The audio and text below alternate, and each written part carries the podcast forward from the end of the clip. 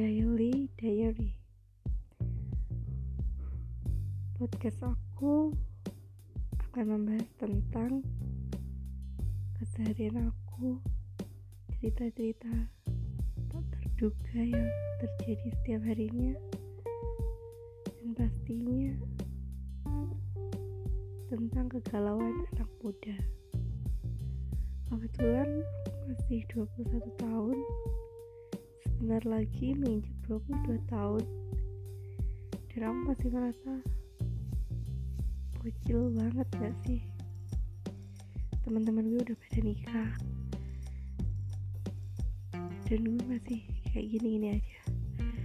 Oke kita mulai dari sekarang